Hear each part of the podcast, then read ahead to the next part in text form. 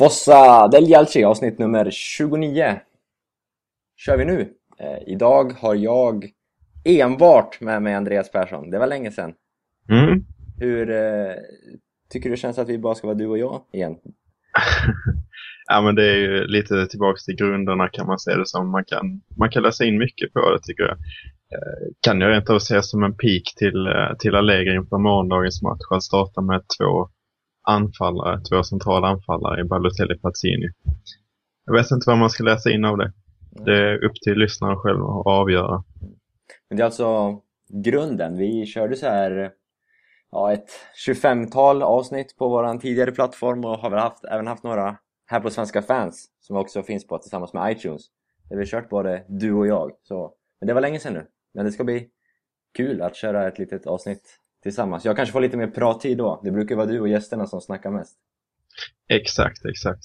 Så... De som faktiskt är med från början visste ju att vi delar upp en, en slags motsvarighet till bollinnehav fast med prat. Mm. Och den dominerar ju ganska kraftigt likt Barcelona. Eller, Som jag egentligen inte vill jämföra sig med, men, men den är ju ofrånkomlig i sammanhanget. Idag kommer vi ju prata om eh, Allegri såklart, blir det en del prat om. Klar för Roma, sa Berlusconi i en eh, italiensk media häromdagen. Vi får se vad det leder. Och sen eh, har vi en rätt viktig match imorgon söndag som vi får väl analysera och gå igenom innan det här avsnittet är över.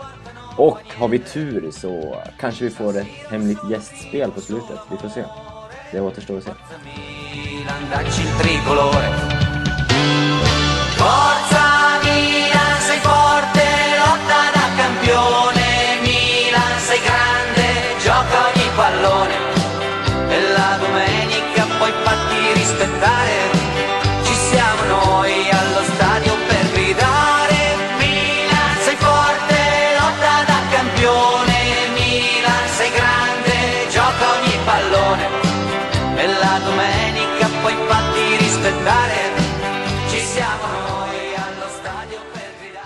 Du pratade om två anfallare och ska vi gå tillbaka till det gamla klassiska så ska väl egentligen Boateng släppa bakom oss två då. Kanske. Till morgondagen. Men Boateng är out för spel. Knäskada stoppar honom. Lite jobbigt kanske. Men eh, Montolivo återvänder till startelvan förhoppningsvis. Efter en lång eh, skåde, skadefrånvaro. Ska jag säga. Det blir väl rätt viktigt med Monto tillbaka på plan. Ja, det, det kan man ju onekligen säga, speciellt med Montari avstängd. Jag vet inte, det är många som har varit väldigt kritiska alltid till Montari, men eh, också kanske i synnerhet till hans spel för, eh, fördelande egenskaper och sådär. Så de har inte gillat hans roll på, som regista, som jag själv inte har haft så jättemycket emot. Jag vet att du inte heller eh, har varit så överkritisk mot.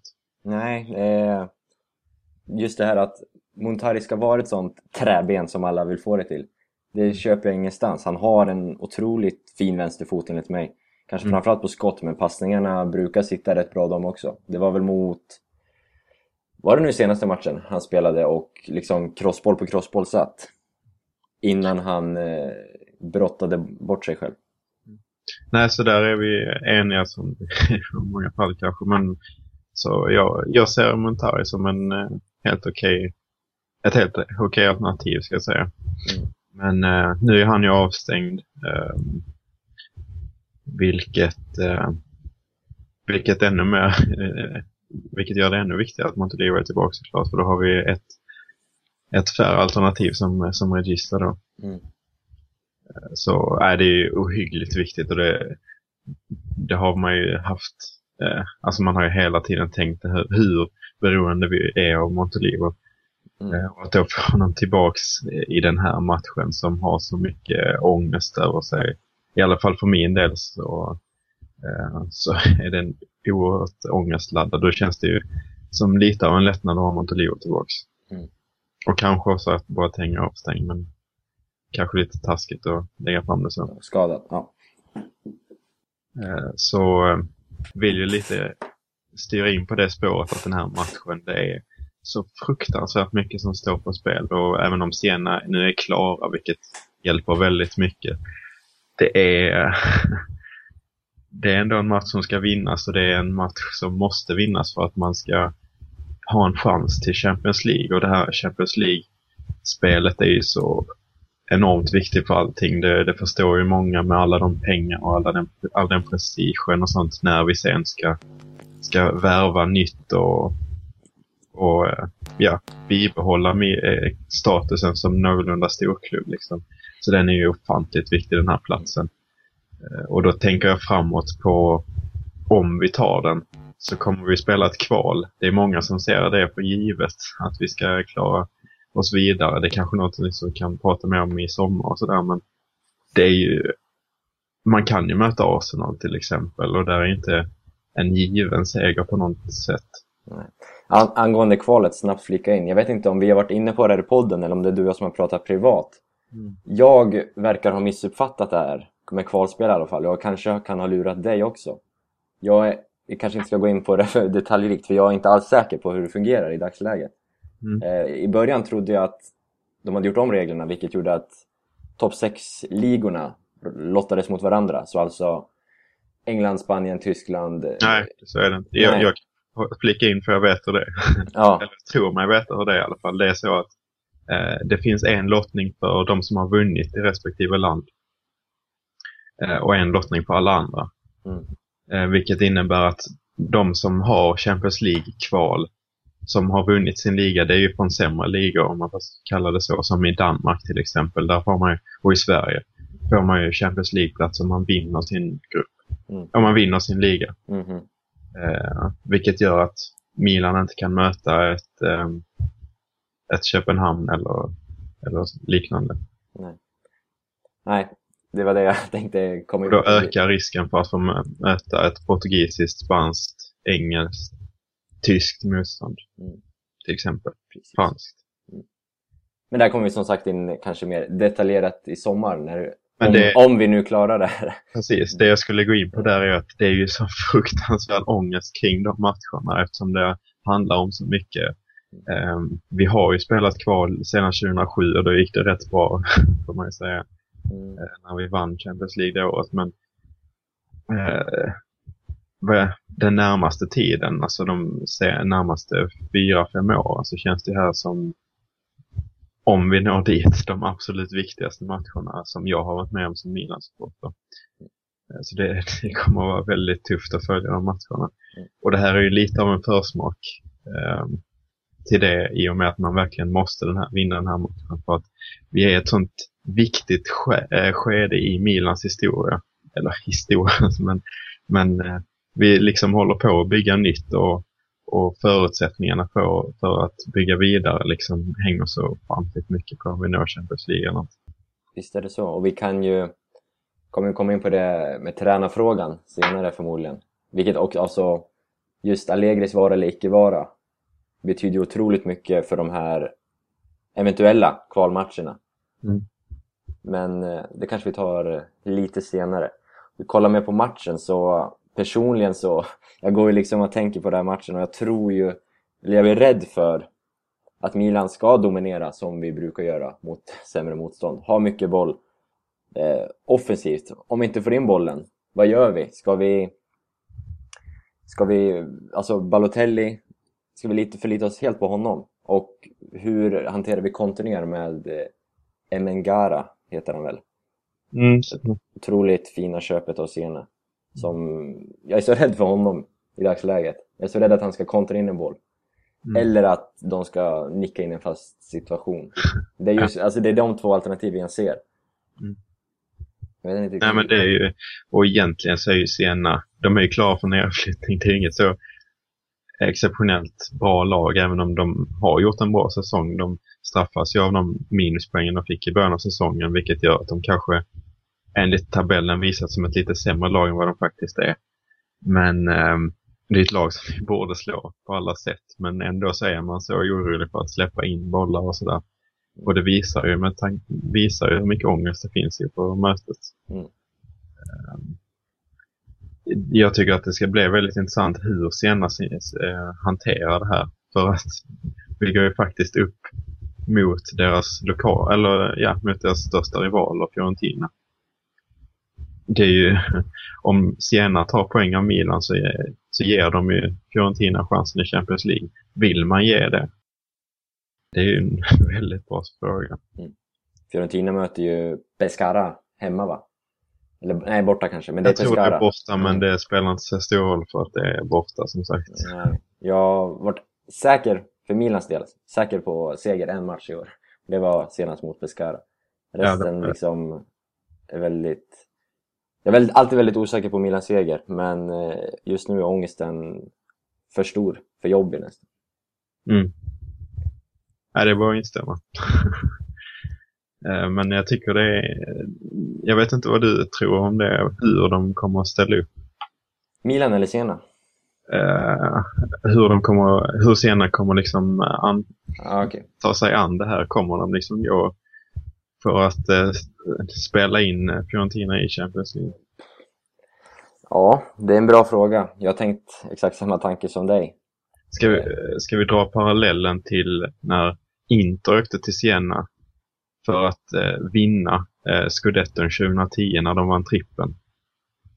Då var ju Sienas president väldigt klar med det här att, eh, att man skulle göra, de hade inget att spela för då heller, men att man skulle göra allt man kunde för att, eh, för att inte, eh, ja, få fair play och så vidare liksom. Mm.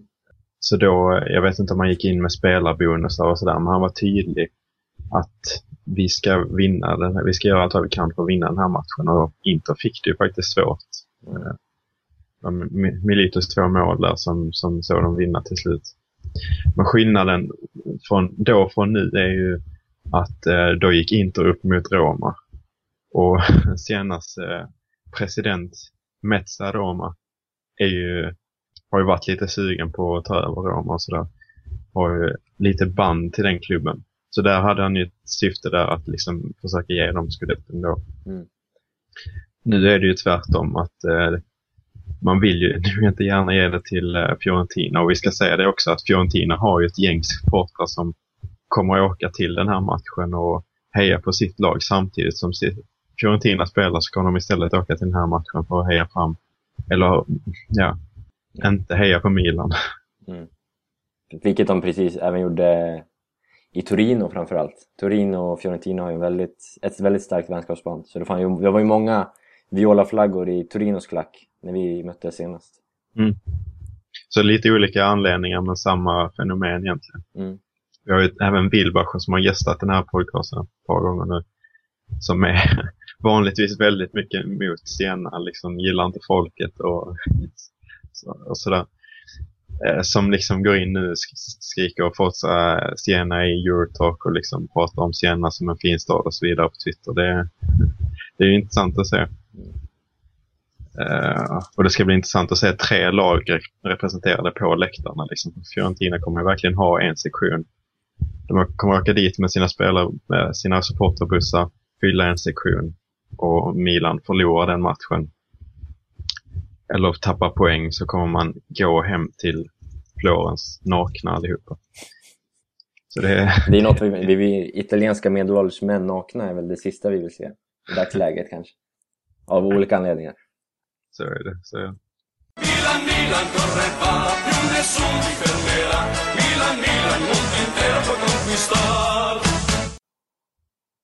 Mario Balotelli har ju varit ett rätt hett ämne i den här podden efter, eh, sen i vintras, sen han anlände.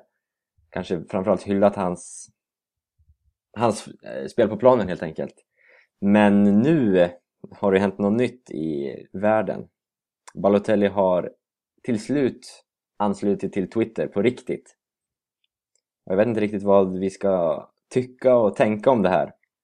Om vi Ta några citat så har han ju skrivit, eller det, om ni har mot förmodan har missat det så anslöt han ju till Twitter eh, och ungefär 25 timmar efter han skapade sitt konto så var kontot spärrat. Väldigt humoristiskt, många som såg det med att han hade gjort något dumt som vanligt. Eh, I slutändan så visade det sig att han hade fått för många followers på kort tid för att Twitter skulle tro på det nästan, så därför spärrade de kontot. Men ja, bara det är en liten historia i sig. Han har också twittrat ut bilder på sin nya frisyr, ingen tuppkam, vilket vi är pro här i Fossa del Jalci, eller hur? Ja, absolut. En av eh, få saker som jag ser som direkt en positiv konsekvens av det här Twitter Mm. eh, kontot. De eh, har ju en lite av en jargong där de hånar varandra på olika saker. Och där kommer ju föräldrarna upp i, i diskussion eh, då och då. Och då kan man ju hoppas att det får med sig att de kanske tänker över sin, sina frisyrval och kanske pluggar fram rakapparater. Mm. Eh, han har även lagt upp flera bilder tillsammans med Niang El Shaarawy. Hånar Niangs hår lite. Mhm. Med all rätt. Den börjar växa till sig i hans tuppkam. Ser ju inte allt för bra ut. Nej, absolut. Det är bara att instämma. Eh, han har lagt upp en bild på han och hans miss, eller vad han skrev. Eh, många kanske väntar sig en tjej, men eh, det är slut med hans relation med Fanny, hette hon va? Och nu är det, som du sa i förra avsnittet tror jag, det är en hund som är hans nya livspartner. Och kvinnornas betydelse i fotbollsspelandet, fotbollsspelarnas liv har vi ju varit med om förut. Men kanske framförallt i Pato. Men jag vet inte riktigt om man ska dra några slutsatser från det. Nej, jag bara håller med och i, i, liksom eh, tolkar hur framtiden kommer, eh, kommer att se ut. Mm. Så vi får, vi får vänta med en analys till vi har fått något resultat. Mm. Eh, Men Balotelli, Finally Mario heter han på Twitter. Var det väl rätt briljant i sig? Jo, men på många sätt så är det ju briljant och det känns ju som hela fotbollsvärlden har väntat på det här, på att Mario Balotelli ska komma till Twitter liksom. Mm. Det, det är ju ingen annan som man heller vill ha där, känns det som. Och han har ju varit precis så underhållande som man hade kunnat hoppas på. Liksom. Han är ju ganska frispråkig, har den här liksom jargongen med spelarna och, och svarar på mycket frågor från fans och är öppenhjärtlig med svaren och allting sånt där. Så det, ja, det jag oroar mig för är ju att det känns som att ju mindre man vet om det som händer med Balotelli eh, utanför plan, fotbollsplanen desto bättre. För att alltså ju mer man ser från honom. Nu var ju inte det så att han hade själv stängt av sitt Twitterkonto men det tog liksom en dag innan han ändrade sin profilbild från det här standardiserade ägghuvudet liksom. Eh, och eh, vi har sett tidigare klipp från City till exempel där han eh, inte kan ta på sig en, en eh, träningsväst och han liksom har problem att slå in paket. Förstår inte alls hur det kan gå till. Det känns inte som att han är den vassaste kniven i lådan. Eh, och ju mindre man får se av det desto bättre. Det sänker ju inte, eller det höjer inte hans marknadsvärde precis. En skarp kniv i lådan tror jag däremot kommer ansluta nu direkt till podden. Faktiskt. Riktigt mäktig övergång alltså. En hemlig gäst. Får se om han vill vara med idag. Spänningen är olidlig. Hallå? Hallå, hallå. Där är han! Den, Där är jag, den, äntligen. den skarpa kniven i lådan. Du går re- direkt in i inspelning. Direkt in, okej. Ingen uppvärmning och sånt där. Så. Jag är helt sträckningar. Jag är redo. Eh, ni som känner igen den här rösten, ni som lyssnar på oss, ni, ja, ni känner nog igen rösten. Det är ju Reza Mohammedi tillbaka. Way! Publiken går, blir galen. Jag vet inte om vi ska läsa in det här med tanke på att i början av podden så snackar vi om att nu är vi bara två. Kan ses som ett tecken på att vi vill ha två anfallare i Balotelli Pazzini från start. Fast nu vill vi vara tre igen. Nu har spelet löst sig lite. Då får vi kasta in en tredje. Ni borde, bjudit, ni borde bjudit på en Åh, och sen när jag hade kommit in hade det lagt den där. Vi, eh, vi sitter här och pratar om eh, Mario Balotelli. Kanske inte hans fotbollsspeleri utan hans Twitteri. Vad har du för eh, spontan tanke om Mario Balotellis Twitterkonto? Äntligen! Som vi har väntat på att han ska få en officiell Twitter.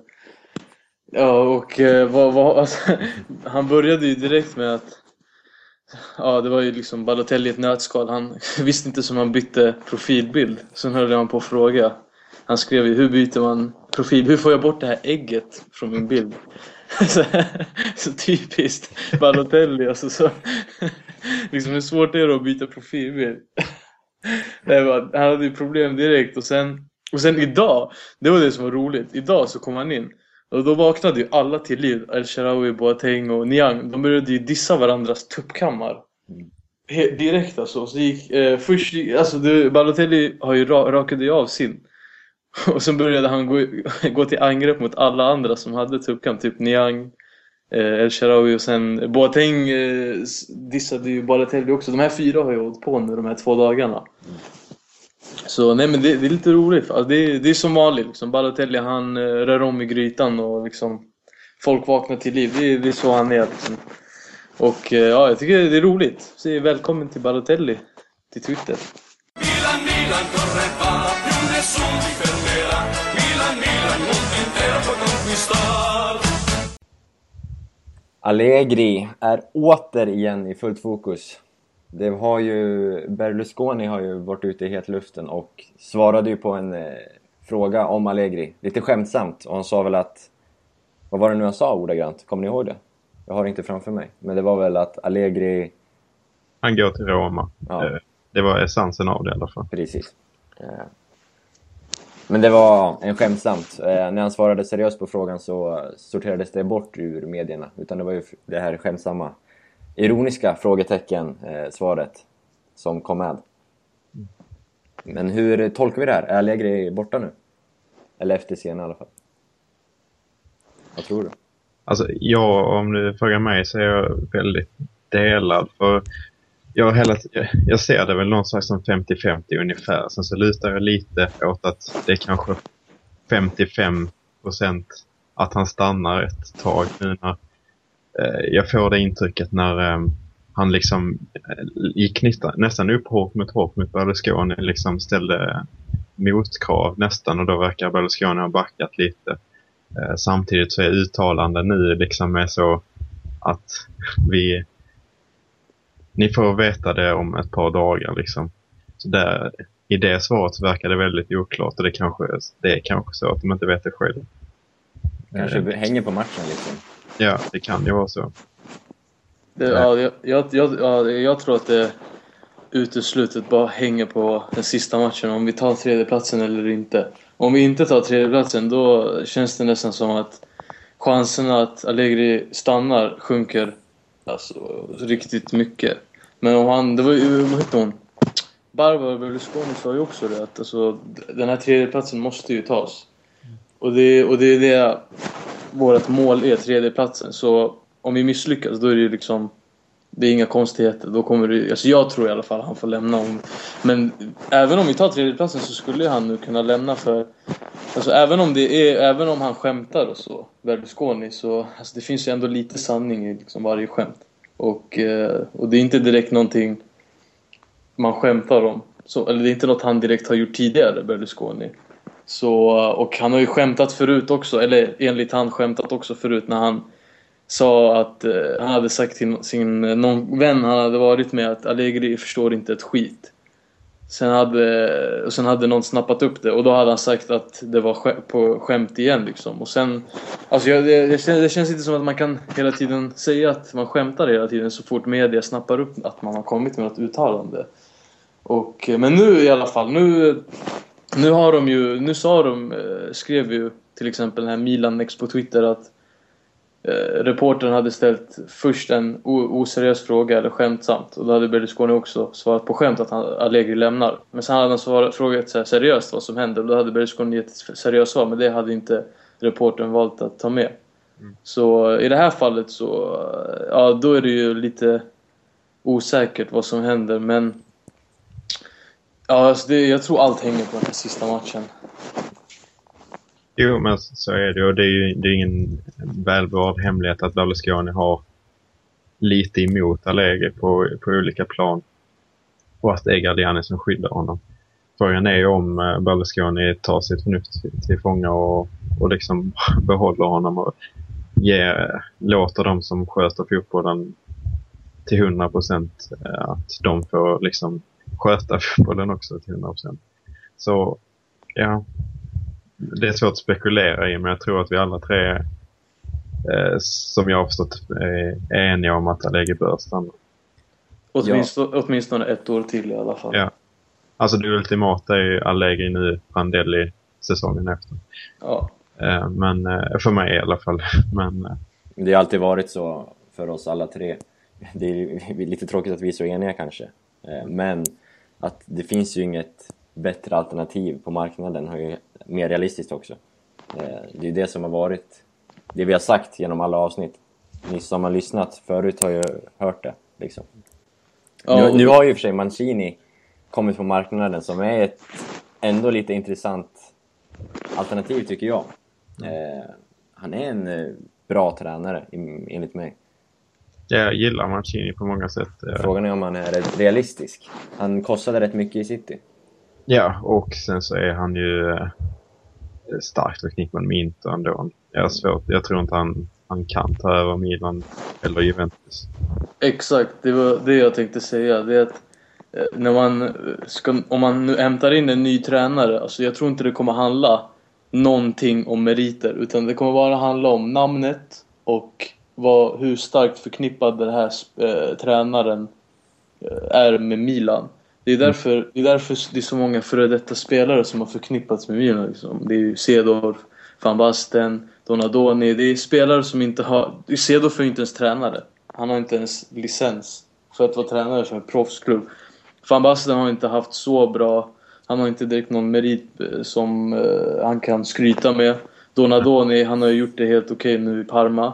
Men eh, det är ju ingenting som liksom som de kan liksom skryta med. Liksom. Det, är, det är inget som sticker ut liksom, i deras CV. Så det, det, det, är det, jag tror det, det är det det handlar om just nu för eh, Galliani och company. Det är att hitta den rätta tränaren. De har ju massa namn och det kommer ju troligtvis vara en före detta spelare. Eller något liknande. Och sen för dem tror jag det bara det handlar om att hitta en tränare som eh, vill göra det och som skulle kunna klara av att göra det. För ja, jag tror eh, egentligen är det, det känns som att det egentligen bara är Allegri, eh, Galliani som vill ha kvar Allegri. Alltså av, mellan Berlusconi och Galliani. Spelarna vill ju uppenbarligen också ha kvar honom utifrån det, deras uttalande. Men Alltså det är ju svårt när man är så motarbetad av en president. Och det hela handlar om hela tiden. Det är Milan nu har också skrivit det. Det är liksom en inofficiell grej att det hela handlar om att Galliani måste övertyga Berlusconi om att Allegri är rätt man för att stanna. För eh, eh, Allegri är ju Gallianis man. Det var ju Galliani som själv ville ha Allegri dit. Så det har hela tiden varit han som har försvarat han. Hela den här säsongen också. Förra säsongen också. Och sen, eh, men frågan är när det, alltså när, när det till slut brister för Berlusconi. När inte han längre kommer lyssna på Galliani utan bara tar sakerna i egna händer och skickar ut Allegri. För Ja, det, det känns som att nej, men Allegri är ju här på lånad tid. Det är inget, det är inget snack om saker. Han kommer ju vara max en säsong till tror jag han stannar, om han stannar. Och eh, sen det här med att han ställer motkrav. Alltså jag vet inte riktigt om det, eh, om det gynnar Allegri. Okej, okay, han visar att han har liksom ballar, men alltså... Eh, att göra det mot Berlusconi, det, om man kollar på liksom, historiken. Eh, Leonardo började ställa massa krav och ifrågasätta Berlusconi. Då såg vi vad som hände. Han kastades ut med huvudet före liksom. Så ja, jag vet inte riktigt. Men eh, ja, jag hoppas han stannar en säsong till i alla fall. Men vi får se vad som händer. Jag tycker det är ett väldigt bra argument det här med att när man kollar på vem som kanske kan träna Milan nästa säsong så kommer det inte vara någon med meriter. Och varför kommer det inte vara så? Jo, för att det är Berlusconi som vill byta. Hade det varit eh, Galliani som hade velat se en ny tränare, det hade kanske varit ett annat tänk om man hade plockat in något som kanske var bäst för laget så. Men eh, Berlusconis problem med Allegri rör inte taktik, eller i alla fall inte huvudsak taktik, utan han vill ha in eh, ett namn som är förknippat med Milan som du säger. Och just för att det är Berlusconi som vill göra det här bytet så, eh, så kommer det nästa tränare, om det blir en ny tränare nästa säsong, att vara en före detta spelare. Så det, jag tror det, det nästan är man kan nästan hugga i det i sten liksom att om det är en ny tränare så kommer det vara en spelare som, eller någon som har, kan förknippas med Milan och det finns inget som är ett bra alternativ där utan det kommer bara bli dåligt. Jag tycker att om Berlusconi då ska byta till en annan tränare så måste han ändå också eh, lägga ut lite pengar på fina spelare. Spelare med, med kreativitet, passningsskicklighet och sådär. Mittfältet vi har idag är helt okej okay, tycker jag med de Jong som kommer tillbaka och sådär. Men det är väldigt lite kreativitet.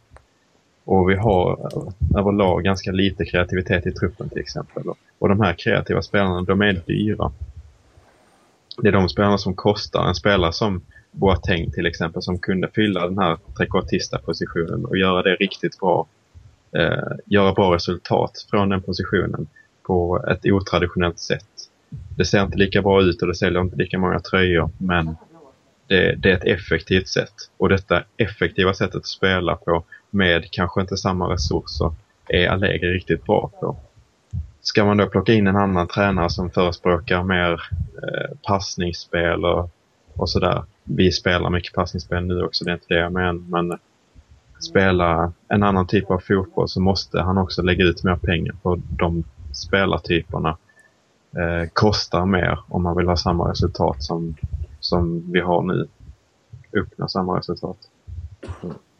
Ja men, eh, ja, jag tänkte bara flika in det med att så om jag ska vara ärlig, man, alltså jag, jag vet inte hur det är med er men jag blir nästan mörkrädd när de nämner Cedorf så mycket alltså, ja. som ersättare. Det är, alltså han har ju aldrig, alltså han, man, vet, man har ju fått höra, de har ju, de, alla vet ju att Cedorf är en professionell, han är professionell, han är eh, en riktig yrkesman liksom. Och han är en väldigt intelligent, eh, inte bara fotbollsspelare utan människa också. Han är en ambassadör och så vidare och så vidare. Men alltså, det finns ingen chans i världen att han skulle kunna ta över ett lag som Milan.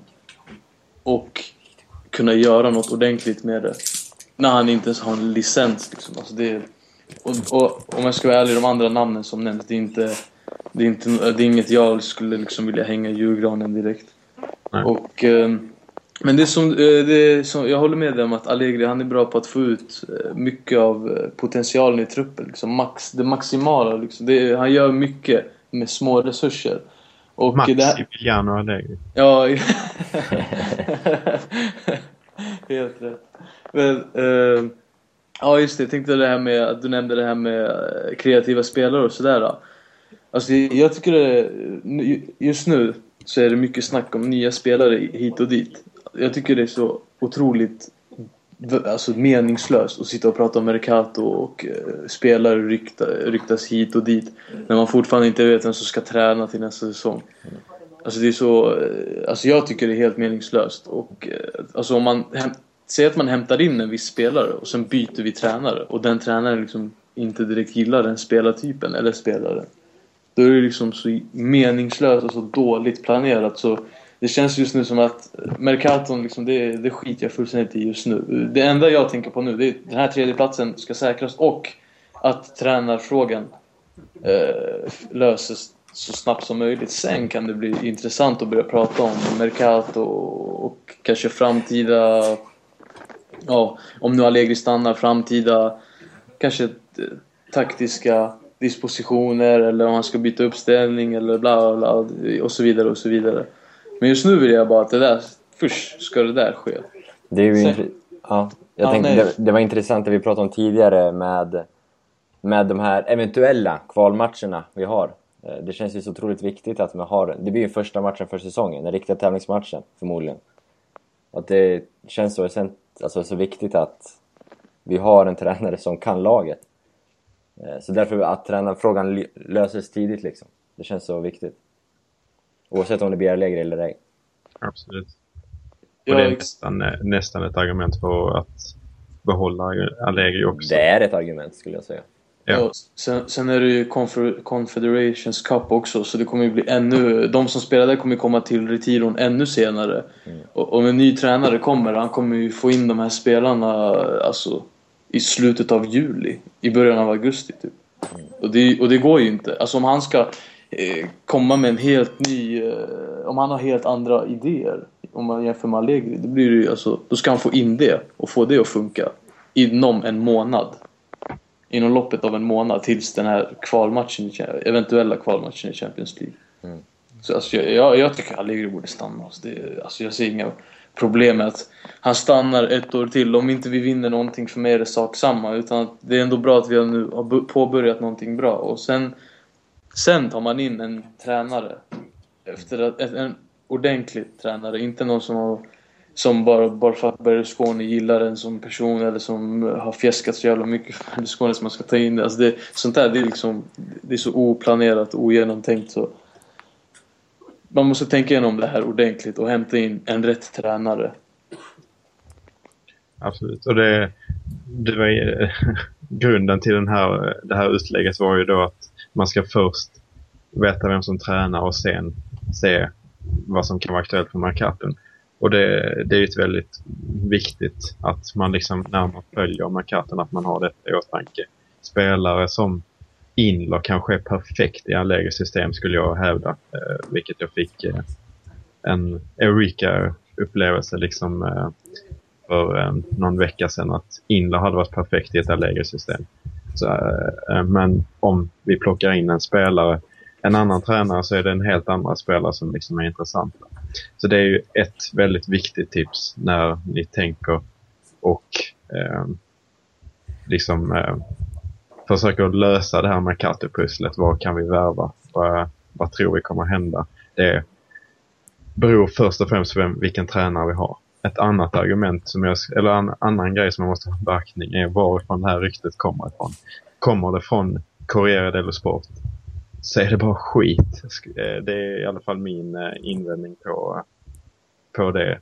Eh, om ni har något slags förtroende för mitt omdöme så är det att strunta i allting som Corriere dello Sport skriver nu för de, de börjar närma sig tuttosport i, i trovärdighet i mina ögon. Det är liksom Galliani ringer i telefon till Florentino Perez och sen så följer, radar de upp dagen efter att Milan ska värva Di Maria. Eh, ja, vilken var nu hela den här drösen de spelar från Real. Mm. Och de fortsätter liksom med de här ryktena. Dagen efter så ska Milan värva Fabregas och, och det är ute efter Higuain från Juventus. De har väldigt spektakulära nam- namn hela tiden och öser på med det här. De verkar vara helt utflippade. En tidigare väldigt bra källa, eh, eller hyfsat trovärdig. Inte lika trovärdig i mina ögon som, som Gazettan, men en eh, riktig tidning. Det var de två riktiga tidningarna. Nu finns det bara Gazettan som jag har någon slags förtroende över. Mm. Så läs var riktigt kommer ifrån. Kommer det med Sport så, hade, så är mitt tips att ta det med väldigt stor nypa salt. Det bästa är ju när det är sådana här heta rykten att gå in på Don Mascarpones Twitterkonto och kolla vad han skriver. För det är, där har vi ju sanningen. Så är det.